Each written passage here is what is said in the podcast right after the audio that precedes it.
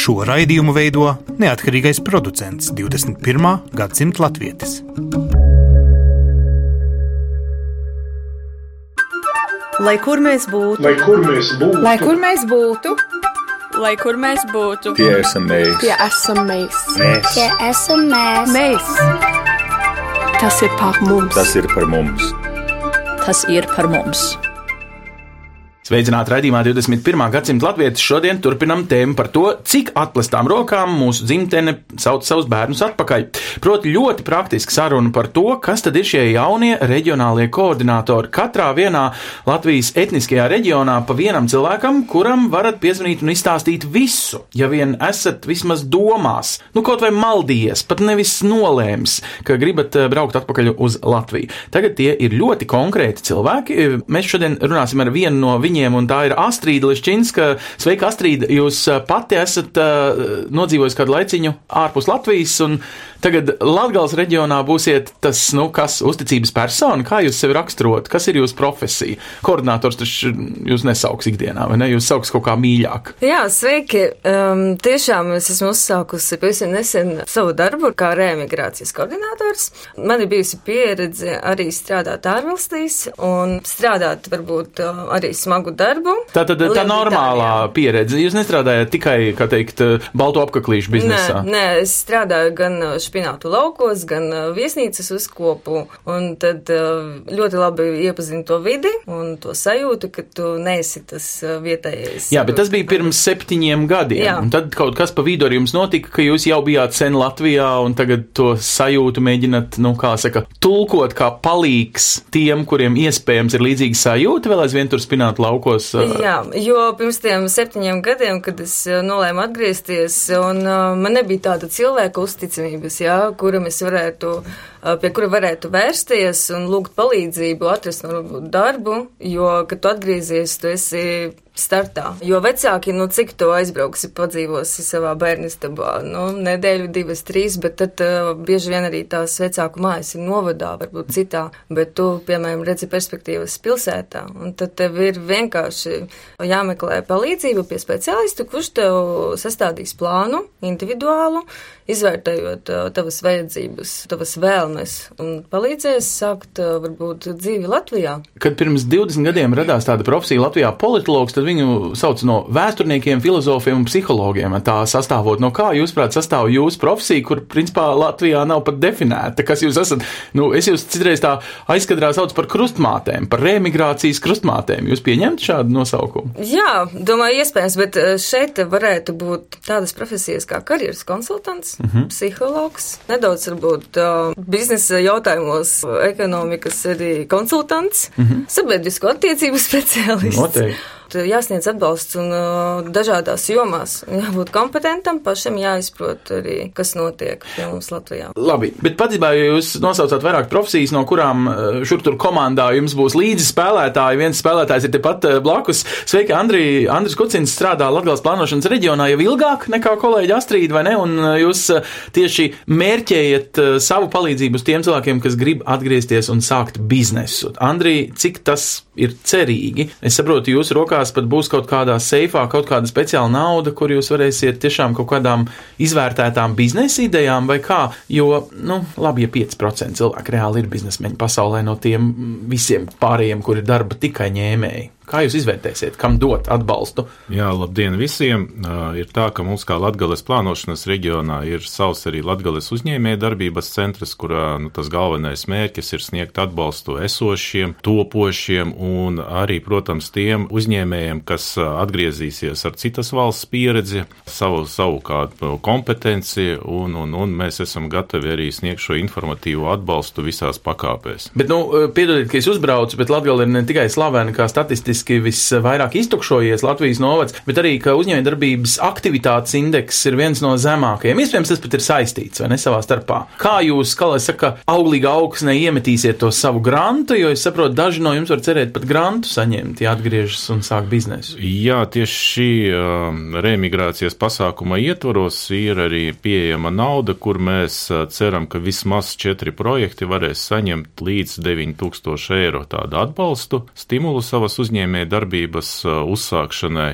Un, nu, pareizi jūs minējat, ka mums šī komercdarbības aktivitāte nav tik augsta kā citos reģionos, bet tā arī ir iespēja attīstīt savu biznesu, jo nav tā, ka kāds trūkums rada tikai kaut kādu lielu mīnus. Tā ir iespēja tam, ka nu, ir mazāks konkurences, lielāka pieeja darba spēkam, un ko mēs vēlamies redzēt, mums ļoti gribas redzēt, lai ir konkurētspējīgi uzņēmumi, mhm. zinoši uzņēmumi, jo gan mēs kā plānošanas reģions daudz ko darām stimulējot šo atbalstu gan caur konsultācijām, gan arī caur speciālu ekonomisko Tad zonu. jūs mērīsiet viņu ko radošumu, inovāciju, spēju, nu tad jūs gribat kosmiskās tehnoloģijas vest ar ārzem latviešiem atpakaļ, nevis, mm. piedodiet, tradicionālo, es nezinu, nu kas tas būtu, varbūt lauksaimnieki. Ir tā, ka šī projekta ietvaros tas nav tāds nosacījums. Galvenais ir, lai šis bizness ir dzīvotspējīgs, bet, protams, mēs ceram, ka atgriežoties dzimtenē ar savu pieredzes nastu mēs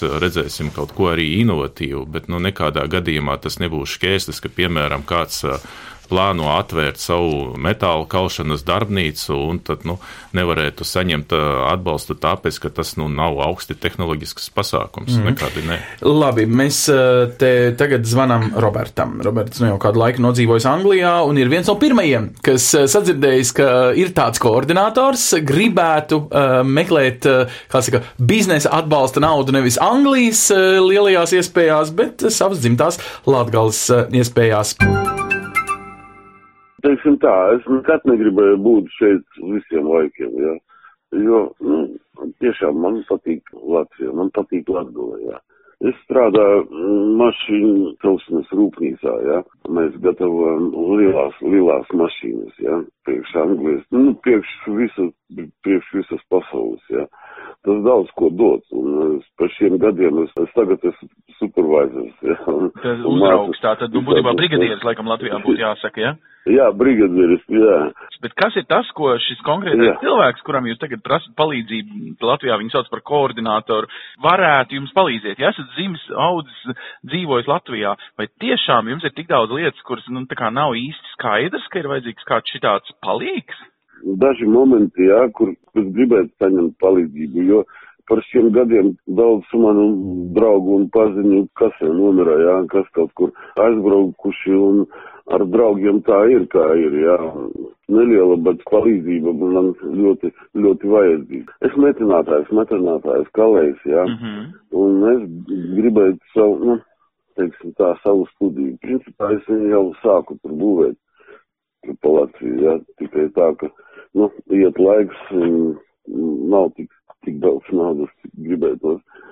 Sākuma nauda, uh, kā saka, man jau ir ieguldīta, jā, bet, bet ar to pabeigšanos naudu, jā, tas būtu būt ļoti, ļoti labi, ja, ja tas ir iespējams, jā, un es gatavs atgūt to naudu, ar, nu, teiksim tā, ar laiku, ja tas ir vajadzīgs, un, bet man gribētos um, to, nu, teiksim tā, to dizainu, to, ko es protu un varu nu, parādīt tai pašai Latvijai un Latgalai, jā, un varbūt tas būtu interesanti gan manai pilsētai, gan manai valstī, nu, to, ko es varu ražot. Tad vai jūs to būtu varējis, ja nebūtu nonācis Anglijā savā dzīvē, saņemties un izdarīt arī tāpat, ja tur bija vajadzīga tā Anglijas pieredze? Nē, nu, nu es nedomāju, ka tur vajadzīga bija Anglijas pieredze, jā. Un, un principā es pēdējo laiku dzīvoju Vēzetnē pirms, mm -hmm. pirms aizbraukšanas uz, uz, uz Angliju, ja. Un man bija kaut kas, kaut kas līdzīgs, ja, bet, teiksim, kā reiz tās pieredzes, ja, tās prasmes um, būt par um, uzņēmumu vadītāju, ja, kā reiz tā man trūk. Bet, ja nav noslēpums, ja jums nebūtu tas, nu, dabiskais mājās braukšanas cilvēcīgais faktors, vai jūs uh, nekad nesaņemtos to pašu izdarīt Anglijā, uh, ko jūs tagad esat nolēmis tomēr ņemt un nodibināt savu uzņēmumu Latvijā? Gadus sešus atpakaļ mēs ar draugiem mēģinājām to iztaisīt šeit Anglijā. Jā. Aha. Sanāca tā, ka um, nu, trūkst gan, gan valodas prasmes, jā, gan tās Anglijas izpratnes, jā, nu, kā cilvēki šeit domā, jo viņi šeit domā pavisam savādāk nekā mēs domājam. Anecī, un jūs sakat, ka savā logika- valstī jums ir vieglāk nodibināt biznesu, jo, jo tur jūs būsiet jutīgāks pret klientu nekā Anglijā. Protams, protams, protams. Es, es varu gan, gan klienta dvēselē pats ieskatīties, gan savu parādīt, jā, bet šeit ir kaut kas, nu, ļoti savādāk. Un, Bet tad būtībā tas, ko es jums, no jums saprotu, jums ir vajadzīga tik, cik sēklas nauda, kaut kādas sadzīviskas lietas, kas, teiksim, Latvijā pa šiem 11 gadiem, kopš jūs esat prom, ir mainījušās, jūs nebiedē, un tur jums kaut kāds tāds atbalsts vai drauga plecs no šī koordinātora principā pat nesatrauc. Jums tā Latvija nav palikusi svešāka kā valsts, kurā dzīvot. Jā, protams, nav, protams, nav. Ar katru gadu viņa man vis, vis kā saka, mīļāk un mīļāk, jā, un es gribu jo, jo labāk, jo ātrāk. Pie mammas atpakaļ Latvijā, pie sevis atpakaļ Latvijā, laikam tā. Un sarunā mums pievienojas arī raidījuma eksperts Ilona Platonova. Jūs esat eh, strādājusi savulaik pie saucamā pirmā reemigrācijas plāna. Es gribētu palielīt tagadējo, ka viņš ir tāds reālāks. Ir konkrēti Astrīda, ir konkrēts eh, Roberts Mārtiņš Jānis. Nu, tā saruna ir par īstiem cilvēkiem, un Latvijas valsts vārdā runā nevis politiķi, bet nu, tādi praktiski darbinieki. Kā jums liekas, tas ir tas, kā tam bija jābūt jau pirms pieciem gadiem, ja vienkārši mums bija jāizaug līdz šai sajūtai, ka Latvija nav tikai prezidents, kuru nevar sazvanīt tiešā veidā. Nu, droši vien, ka jau tobrīd bija ļoti liela vēlēšanās, lai būtu šāds vārds, uzvārds un personis kods, kuram var piezvanīt. Diemžēl tobrīd mēs nebijām spējīgi panākt vienošanos vismaz valdības ietverā, un arī pašvaldības tajā brīdī kategoriski atteicās iesaistīties sarunā un teica, ka tur ir vajadzīgs diezgan liels finansējums, lai viņš šo pārņemtu pie sevis. Jo faktiski viss reemigrācijas plāns tajā brīdī bija tikai valdības jautājums. Man ir liels prieks redzēt, ka šobrīd pašvaldības plānošanas reģioni pilnīgi savādāk jau uztver un apzinās to, ka šī cilvēka atgriešana ir arī katra ierindas pašvaldības darbinieka jautājums. Tas nav tikai centrālās valdības, jo tajā brīdī mums bija arī ļoti liels problēmas par to, kā nodrošināt informāciju, jo bērniem par skolu, par izglītības sistēmu, par bērnu dārziem, jo katrā pašvaldībā tie noteikumi ir savādāki. Es domāju, ka šobrīd šī pretīm nākšana no katras pašvaldības ir pilnīgi savādāka nekā tā bija pirms pieciem gadiem. Jā, nu varbūt arī pat šiem pieciem gadiem pašvaldības ir sapratuši, ka iztukšošanās notiek vēl straujāk nekā pašas bija eh, paredzējušas. Nu, tagad, Astrid, kā jūs tiksiet galā ar konkrēto Robertu? Viņam tā tad ir faktiski divas problēmas uzreiz. Arī sievai būs vajadzīgs darbs. Robertam ir varbūt plāns un varbūt pat arī tikai sapnis, vai ne?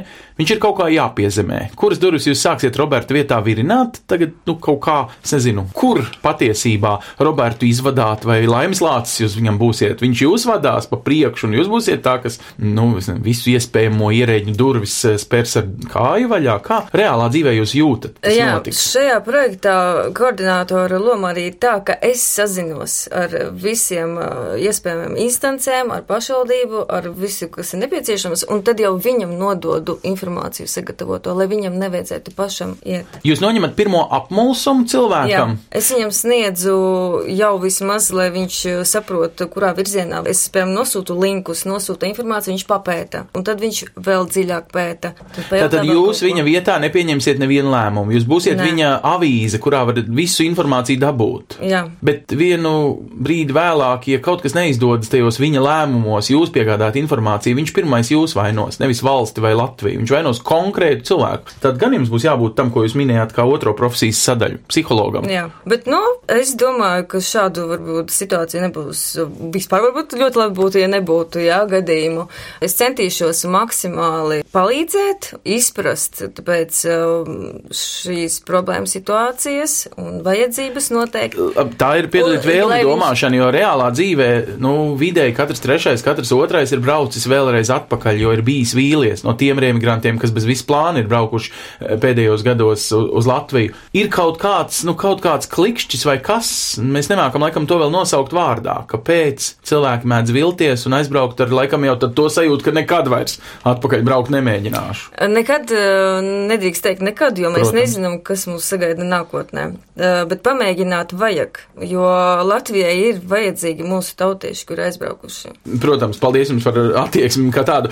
Andrija, nu, es zinu, ka es esmu varbūt skarbs, un tomēr jums nešķiet, ka ir kaut kā īpaši jāuzrunā tieši šie cilvēki, kuru svārstību dēļ statistika slikti izskatīsies gadu vai četrus gadus vēlāk. Jā, nu, redziet, mums uh, valstī ir gana daudz pētījumu, ir ļoti daudz darba grupas bijušas tieši pa šo reemigrācijas procesu veicināšanu.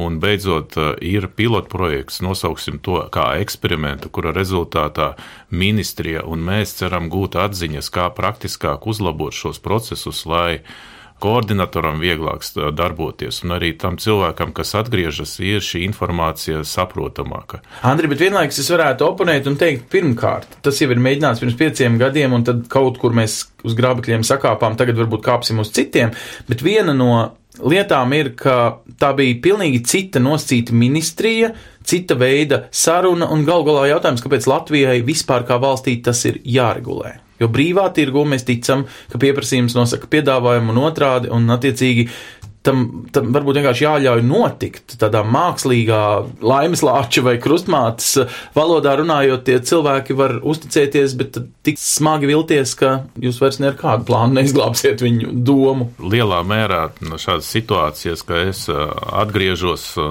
pēc tam man šeit nepatīk, kaut kas ā, neapmierina, tās jau rodas bieži vien sīkumu dēļ, no nosacīti sīkumu, jo lai saņemtu kādu atbalstu no valsts puses dzīvokļu, izglītības jomā, veselības aprūpes, nu ir jāizpilda kaut kādi dokumenti. Un, ja nav cilvēka, kas palīdz ā, šos elementārās lietas sakārtot, nu rodas tāda sajūta, ka mani šeit neviens negaida. Hei, bet viņš vienreiz jau Anglijā, pirms pieņemsim 11 gadiem, tam visam gāja cauri ar sliktām toreiz angļu valodas zināšanām, ar pilnīgi citu valsts sistēmu un papīriem, un tagad savā dzimtenē viņš nevarētu pats aizpildīt papīrus. Es atvainojos, tad kāpēc viņš ir vajadzīgs šeit, ja viņš ir tik nespējīgs? Nu, dzīves situācijas ir dažādas, un jābūt realistiem, ka visus, visus mēs, diemžēl, remigrēt atpakaļ nevarēsim. Jo primāri mūsuprāt ir tā, ka cilvēkam ir šī vēlēšanās atgriezties vai nu šī vērtību skala ir mainījusies. Ir lietas, kas ir svarīgākas, varbūt par pašu galveno tādu kā nu, nosacīti finanšu jautājums, ka es gribu pelnīt daudz, bet nu, cilvēkam dzīvojot dzīvi, viņam rodas arī citas vērtības. Protams, nu, tas jau, jā, lūdzu, Astrid. Es esmu nedēļas laikā aptaujājusi 50 potenciālos remigrantus, un es viņiem uzdevu jautājumu, vai jūs vēlaties tuvākajā nākotnē atgriezties Latvijā. Un lielākā daļa, 80% man atbildēja, ka viņi labprāt atbrauks uz šejieni atpūsties jau šovasar ar ģimenēm, ar bērniem. Nu, taču simts gada dziesmu svētki, tas Jā. jau Google ir arī īpašs mirklis, tīri tā, bet tā vēl nav atgriešanās. Un uh, dažas ģimenes ar bērniem norādīja, ka tuvāko gadu laikā, jā, viņi vēlētos atgriezties uh, Latgalē pat. Un viens man atbildēja, ka savu uzņēmēju darbību uzsāks. Kā jums šķiet, kas ir noticis? Latvijas slavenā vidējā alga ir palielinājusies, ir kaut kāds kritiskais gadu skaits nodzīvots ārā, kad cilvēks jau vairs nejūtas ne tur, ne šeit īsti savā, nezinu, kur pagalmā. Es domāju, ka lielākajai daļai, protams, bija kredītsaistības, kad viņi brauca pirms tiem septiņiem, desmit gadiem, un uh, tagad viņi jūtas jau pārliecinātāki, jo viņi zina, ka nu, izmaksās, un viņi varēs tagad atgriezties un uh, iztiks ar šo algu, kas ir pie mums, mums Latvijā. Un lielākā daļa no cilvēkiem, kuri jums ir teikuši, ka grib atpakaļ, tuvākā, tālākā nākotnē, ir vēl aizvien tajos spinātu laukos, vai viņi jau pa šo laiku ir arī kā personības izauguši. Viņiem ir varbūt kāds grāts jau nopirkts kādā universitātē, viņiem ir jau cita, nu, teiksim, baltāka darba pieredze, ja tā drīkstētu teikt. Proti, vai mums ir vēl aizvien jālamā šie cilvēki par sēņu lasītājiem, vai nav tā, ka viņu personīgā izaugsme ir notikusi ātrāk nekā dažam Latvijā palikušam? Dažādi. Vienam ir savs uzņēmums, tur viens strādā fabrikā, par menedžeri, ir dažādi. Bet uh, vēl kas ir uh, mans novērojums, plāno ģimenes atgriezties, kad bērni sasniegs sākuma skolas vecumu. Uz pirmo klasi viņi vēlas, lai bērni iegūtu izglītību Latvijā, lai runātu mātes valodā. Un uh, tieši tagad ir arī atbalsts ar papildstundām, padziļinātām, kur bērni apgūst skolā, piemēram, Daugavpils izglītības pārvaldi man sniedz informāciju, ka pie mums uh, pilsētā patreiz 28 skolēni saņem šīs palīdzības stundas, kas Tad, ir. kad skolotājs ar viņiem darbojas papildus vēl pēc stundām, jo viņš ir nesen atpakaļ Latvijā. Jā, viņi saņem uh, mēgdotācijas no pašvaldības un no valsts par šīm stundām, un viņi apgūst tātad latviešu valodu, dzimto valodu, latviešu Latvijas vēsturi un sociālās zinības. Un pat trīs gadus bērns var apgūt šīs stundas, lai viņš adaptētos pēc iespējas ātrāk un vieglāk mums skolās. Un šie 28 bērni nav ieslodzīti vienā konkrētā spēc skolā Nē. priekš remigrāciju. Nē, nē, nē, tās ir ziņas par visām Daugopils izglītības Jā, iestādēm. bet tā ir konkrētā pilsēta, vai ne? Es negribu būt skarbs, bet Patiesi Daugavpils ir tikai- bagāta, jo ir otra Jā. lielākā Latvijas pilsēta. Viņi to savā ziņā var. Kādā mazā pašvaldības skoliņā būsim reāli, tā realitāte varētu būt bišķiņ grūtāk ar šo atpakaļbraucienu bērnam. Šeit ir jāskatās, kurā novadā izvēlas, jā, piemēram, vecāki savu dzīves vietu vai pilsētā. Mēs redzam tagad tādu modeli, ka vecāki vēlas nopirkt īpašumu vai atgriezties, piemēram, novadā, bet strādāt pilsētā tuvākajā. Tā jau, laikam, 30. arī šobrīd Latvijā Un- divas trešdaļas cilvēku Jā, dzīvo lauksētā, strādā Tāpēc, pilsētā. un bērnus arī viņi līdz ar to ved līdzi uz skolu pilsētas. Ā. Tur iespējas ir uh, tādas pašas bērniem. Jā, vienīgi agri jāceļās. Bet, nu, ko darīs? Labi, tagad uh, tiešām vai Latvijas darba devējs, kurš šobrīd sūdzās, ka viņam jau vasarā vajadzēs ķieģeļu ceplim Jā. vest darbiniekus no Ukrainas, ir patiesībā, nu, teiksim, vieglā ceļa gājējs un meklē, nezinu, eures. Es uh, tik, tikko biju Liepājā ražotnē, kur es tiešām ar prieku redzēju Latvijas pilsoni, kurš ā, ir 11 gadus nodzīvojis ārpus Latvijas, atgriezies atpakaļ, šobrīd strādā kā viens no brigadieriem ražotnē, metāla apstrādē.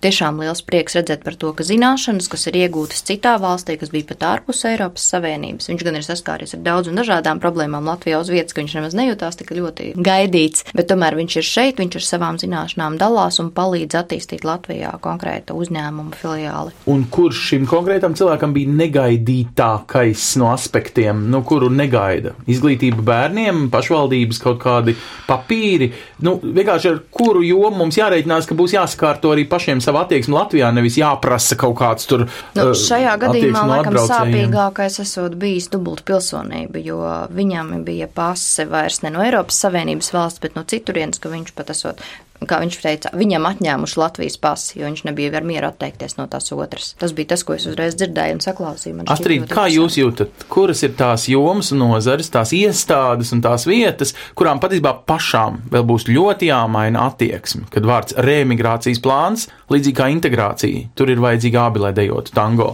Remigrācijā ir arī tie, pie kuriem brauc atpakaļ tie radi palicēji. Arī tiem ir attieksmes lieta dažreiz, tās riebīgās virtuves sarunas. Nu, jūs, kad pati braucāt pirms septiņiem gadiem, nu, salīdziniet ar sevi. Kas bija nepatīkamākie mirkļi, kur neviena, piedodiet, ne Astrīda kā koordinators vai krustmāte, neviens nepalīdz. Palīdz tikai cilvēku attieksme. Es nezinu, es negribētu tagad meklēt kaut kādus vainīgos vai ko. Tā ir katra izvēle, un tev ir jāiziet tam cauri. Ja tu tātad uh, esi devies prom, tad tev ir jābūt gatavam arī varbūt atgriezties. Mm. Un tie abi ir sāpīgi procesi. Jā. Tas gan. Andri, esat pamanījis kādu vietu, kur mums pašiem Latvijā iekšā, sabiedrībā, sistēmā ir pats neizdarība, kāpēc tā remigrācija nestrādā. Remigrācija nav tikai atpakaļbraukšana pašam, tā ir arī uz kurien atbraukt. Vai tur ir forši? Nē, nu, ja runājam par dzīvošanu, izglītību, nu, es šeit neredzu īpašas problēmas, jo reģionos šī izglītība kvalitatīva, bērnu dārzi ir pieejami. Vairāk šī problēma ir tā, ka mums uzņēmējiem šī konkurētspēja zema, līdz ar to arī atalgojuma līmenis. Proti, jūs esat nav- īsi virs vidē, mazā, nu, minimālās algas, ja? Jā, Tad- jā un, un, un tas ir būtiskākais, ka tā, ja uzņēmuma konkurētspēja aug, tiecīgi arī šis atalgojuma līmenis arī aug. Un jāsaka tā, ka mums reģionā ir labi piemēri, kas maksā ļoti labas algas un ekscelenti uzņēmumi, kas vērsti uz eksportu, bet mēs, protams, gribētu, lai viņi ir vairāk. Tas ir tas kavēklis, ka nu, šis uh, atgriežoties, gribas saņemt uh, lielāku atalgojumu, bet, nu, diemžēl, nu, tāds tas piedāvājums varbūt nav tik liels, bet tomēr jāsaka tā, ka ir pieprasīti speciālisti specifiskās jomās, kur šis atalgojums nu, ir, ir diezgan augsts, konkurētspējīgs. Labi, bet atšķirībā no citiem etniskiem reģioniem, Latvija ir visskaļākā arī tādā ziņā, ka jūs jau esat pilnu Facebook pieskandinājuši. Tā tad ir jauna sadaļa Facebookā, kur katrs ir aicināts pievienoties, atgriezties Latvijā, nevis Jā. Latvijā. Tātad, nu kas, romantiski valodas eh, dēļ, kā jūs mēģināt kustināt to tieši latgaliešu gēnu šeit? Nu, manuprāt, latgalieši ir ļoti, ļoti vienoti. Jā, arī mm -hmm. visur Latvijā arī, bet, um, ja tu redzi kaut kur uh, sociālajos tīklos uh, vārdu latgalietis, latgali, tad tev pilnīgi iedegas acis. Tāpēc mēs nolēmām izveidot uh, Facebook lapu. Es atgriežos Latgalē. Tur mēs ievietojam uh, informāciju noderīgu par uh, to, kas pie mums notiek Latgalē, kādas ir iespējas un, uh, protams, arī labās prakses un piemērus un stāstus par to, kā jaunieši atgriežas Latgalē un uzsāk uzņēmēju darbību vai vienkārši kā viņiem gāja tur dzīvojot ārzemēs vairākus gadus, kāds desmit, septiņus, un kā viņi nodarbojas tagad Rēzeknē vai Novadā. Un, un... Tātad reāli dzīves stāsti, vai tur būs arī jautājumi un atbildes, uz kuriem jūs varēsiet ātri čatā atbildēt, nu tā publiski, lai visi redz, vai tā saruna ar konkrēto ģimeni vienmēr būs tāda inkognito? To mēs vēl tagad plānojam. Mēs viņu tikko izstrādājām lapu, bet mēs, protams, aicinam mums rakstīt, jā, un tad mēs izvērtēsim, un varbūt tiešām labās prakses piemērus varēsim neminot tur, jā, vārdu uzvārdu, bet kaut ko. Protams, atbildēsim uz sarakstēm un mēģināsim kaut kādā veidā palīdzēt. Galvenais, lai informācija nonāk pie šiem mūsu tautiešiem. Galu galā divas trešdaļas no cilvēkiem, nu īpaši gados jauni, mūsdienās ziņas vairs iegūst tikai Facebook. Jā, tāpēc arī Facebook mums ir. Jā, uh, Ilon, kā ir starp šī uzrunāšana? Es zinu, ka jūs man stāstījāt, pirms pieciem gadiem tiešām bija cilvēki, kad uh, remigrācijas plāns tika izsludināts valstī, kas zvanīja vienkārši fiziski un konsultējās kaut vai pa naktīm, un jūs mēģinājāt kaut kā piemērot katram vienam cilvēkam šīs atbildes. Tagad ir mainījušies laika, Latvija meklē viņus atpakaļ, Latvijai trūkst darba spēka. Tas arī principiāli savādāka valoda. Tev kāds lūdz braukt mājās, nevis gaida, kad tu brauksi mājās un tad prasīs piedošanu par aizbraukšanu. Mēs jau to darījām tieši tādēļ, ka mēs paredzējām, ka tāds 16. un 17. gads ir pietiekami tuvu, Львову. Kad šis darba spēka trūkums iestāsies. Tas bija tieši tāpēc, vispār ekonomikas ministrija to sāka darīt, jo mēs redzējām, ka darba spēka prognozes vienā brīdī būs tieši šādas, un visās valstīs, ja mēs paskatāmies to pašu Lielbritāniju, to pašu īriju, uzņēmē reakcija ir vienāda. Tagad lūdzu vedam iekšā darba spēku, mums trūkst. Un tas nekas, ka savējie, un īrija ir lielisks piemērs, viņiem ir vairāk kā miljons iedzīvotāji, kas dzīvo diasporā, man liekas, turpat vairāk mm. miljoni, ka tur gandrīz tikpat īri dzīvo ārpusē, cik viņu valstī, un tik un tā tiek ievests darba spēks un tiek spiest uz valdību, sakot, ievedam. Un tāpēc šis kaut kāds kanāls, lai mēs pie šiem darbiniekiem tiktu klāt, un tāpēc mēs ļoti gribējām, lai tā ir tieši nodarbinātības valsts aģentūra, kura šo kontaktu tur, bet mums neizdevās pierunāt nec tajā brīdī ministri kas bija atbildīgi par nodarbinātības aģentūru, nedz arī pārējos valdības locekļus. Jo tieši tajā brīdī, kad parādās vakance, būtu visvieglāk šo cilvēku uzrunāt, ja viņš ir iedevis savus kontaktus, ja viņš savu CV ir noreģistrējis nodarbinātības valsts aģentūrā. Es ļoti ceru, ka jums būs cieša sadarbība ar nodarbinātības valsts aģentūru, jo faktiski es tajā brīdī cerēju, ka viens no rezultīviem rādītājiem reemigrācijas plānam būtu pēc iespējas vairāk reģistrētu CV no ārvalstīs dzīvojošiem cilvēkiem, Pagaid, kuri vēlas atgriezties. Ja mēs tagad vēl aizvien domājam no Latvijas. Viedokļi. Bet vai šobrīd nav jādomā mazliet globālāk arī? Nu, nezinu, Īslanda. 1% bezdarba līmenis. Nereāls. Tad nav bezdarba valstī. Tad katrs, kas jau ir atbraucis uz šo valsti, ne, latviešu būvnieks, kas strādā Īslandē, nu, viņš ir jāpietur jebkādā veidā. Proti, mūsu vēlmi domāšana, ka tūlīt visi romantiski iemesli dēļ brauks atpakaļ, nu, tur viņam vienkārši pieliks pie algas, lai viņš paliek, jo arī tur jau viņš ir izveidojies par lietas koku. Vai nav arī tā, ka nu, šeit ir jādomā par kaut kādām citām vēl papildus viltībām? Pati alga būtībā ir cēlusies gan Latvijā, gan Anglijā paralēli. Mēs visu laiku esam domājuši arī par šo komunikāciju, jo, kā jau es esmu teikusi arī iepriekšējos raidījumos, mēs tikmēr, kamēr iedzīvotāji neuzrunās viņa pilsoņu un radnieki, sakot, ka šeit ir pietiekami labi, respektīvi tā vide nav sakārtot priekš mums pašiem, nav lielu izredzu, ka cilvēki gribēs atgriezties, jo tas cipars viens vai cits, mēs ļoti labi redzam statistiku, ka tie cilvēki, kas atgriežas, nebūtu nestrādā ar 1000 eiro algu, ir vesela rinda cilvēku, kas strādā ar 4, 5, 600 eiro, bet viņi tāpat ir šeit atgriezušies, jo ir arī citi iemesli, kādēļ viņi to ir darījuši. Ir ļoti svarīgi, kas būs tie argumenti, kāpēc viņi izvēlas, jo tā ir cilvēku iespēja. Man šķiet, ka mums ir pamats arī domāt par vēl kādu raidījumu par tiem iedzīvotājiem, kas nekad neatgriezīsies, Jā. kas eh, ir palikuši tajā zelta būrītī, kā mēs eh, esam reizēm runājuši, viņi ir uh, iedzīvojušies tajā lielajā algā viņi vairs neredz iespējas uh, faktiski atgriezties atpakaļ nekādā veidā, un lai cik viņiem tur uh, nebūtu varbūt emocionāli grūti, tā atlīdzība viņu profesijā šeit Latvijā vēl ilgstoši nebūs tāda, lai viņi varētu atļauties līdzīgu dzīves līmeni, viņi izvēlas labāk justies ne tik komfortabli, varbūt reizēm būt ļoti depresīvi, bet tajā pašā laikā būt tur ar tiem līdzekļiem, varbūt atļauties kaut kādus ārzemju ceļojumus un kruīzus, kurus viņi varbūt nevarēs atļauties tādā mērā Latvijā. Un tieši šī iemesla pēc tā kā vispār pat nekustēties šai virzienā. Jā, sazinoties ar remigrantiem, viņi tiešām norādīja, ka viņi tagad labi pelna, nosauc summas un pasaka, ka es neatgriezīšos pagaidām, jo es nesaņemšu tik lielu naudas summu. Un tie ir jaunieši, 23, 25 gadus veci. Tie, kuri vēlas atgriezties, tie ir pāri 30. Andri, jums taču jau gadu ir uh, brīvā ekonomiskā zona. Tas taču būšot lakmus papīrīte reģionālajai attīstībai. Vai šeit reemigrācijai tas palīdz, vai tur nu, tas pievelk? 8%, ja nemaldos, no katras pašvaldības teritorijas Latvijā var tikt nosaukta par brīvo ekonomisko zonu vismaz nākamajiem 11 gadiem. Ja?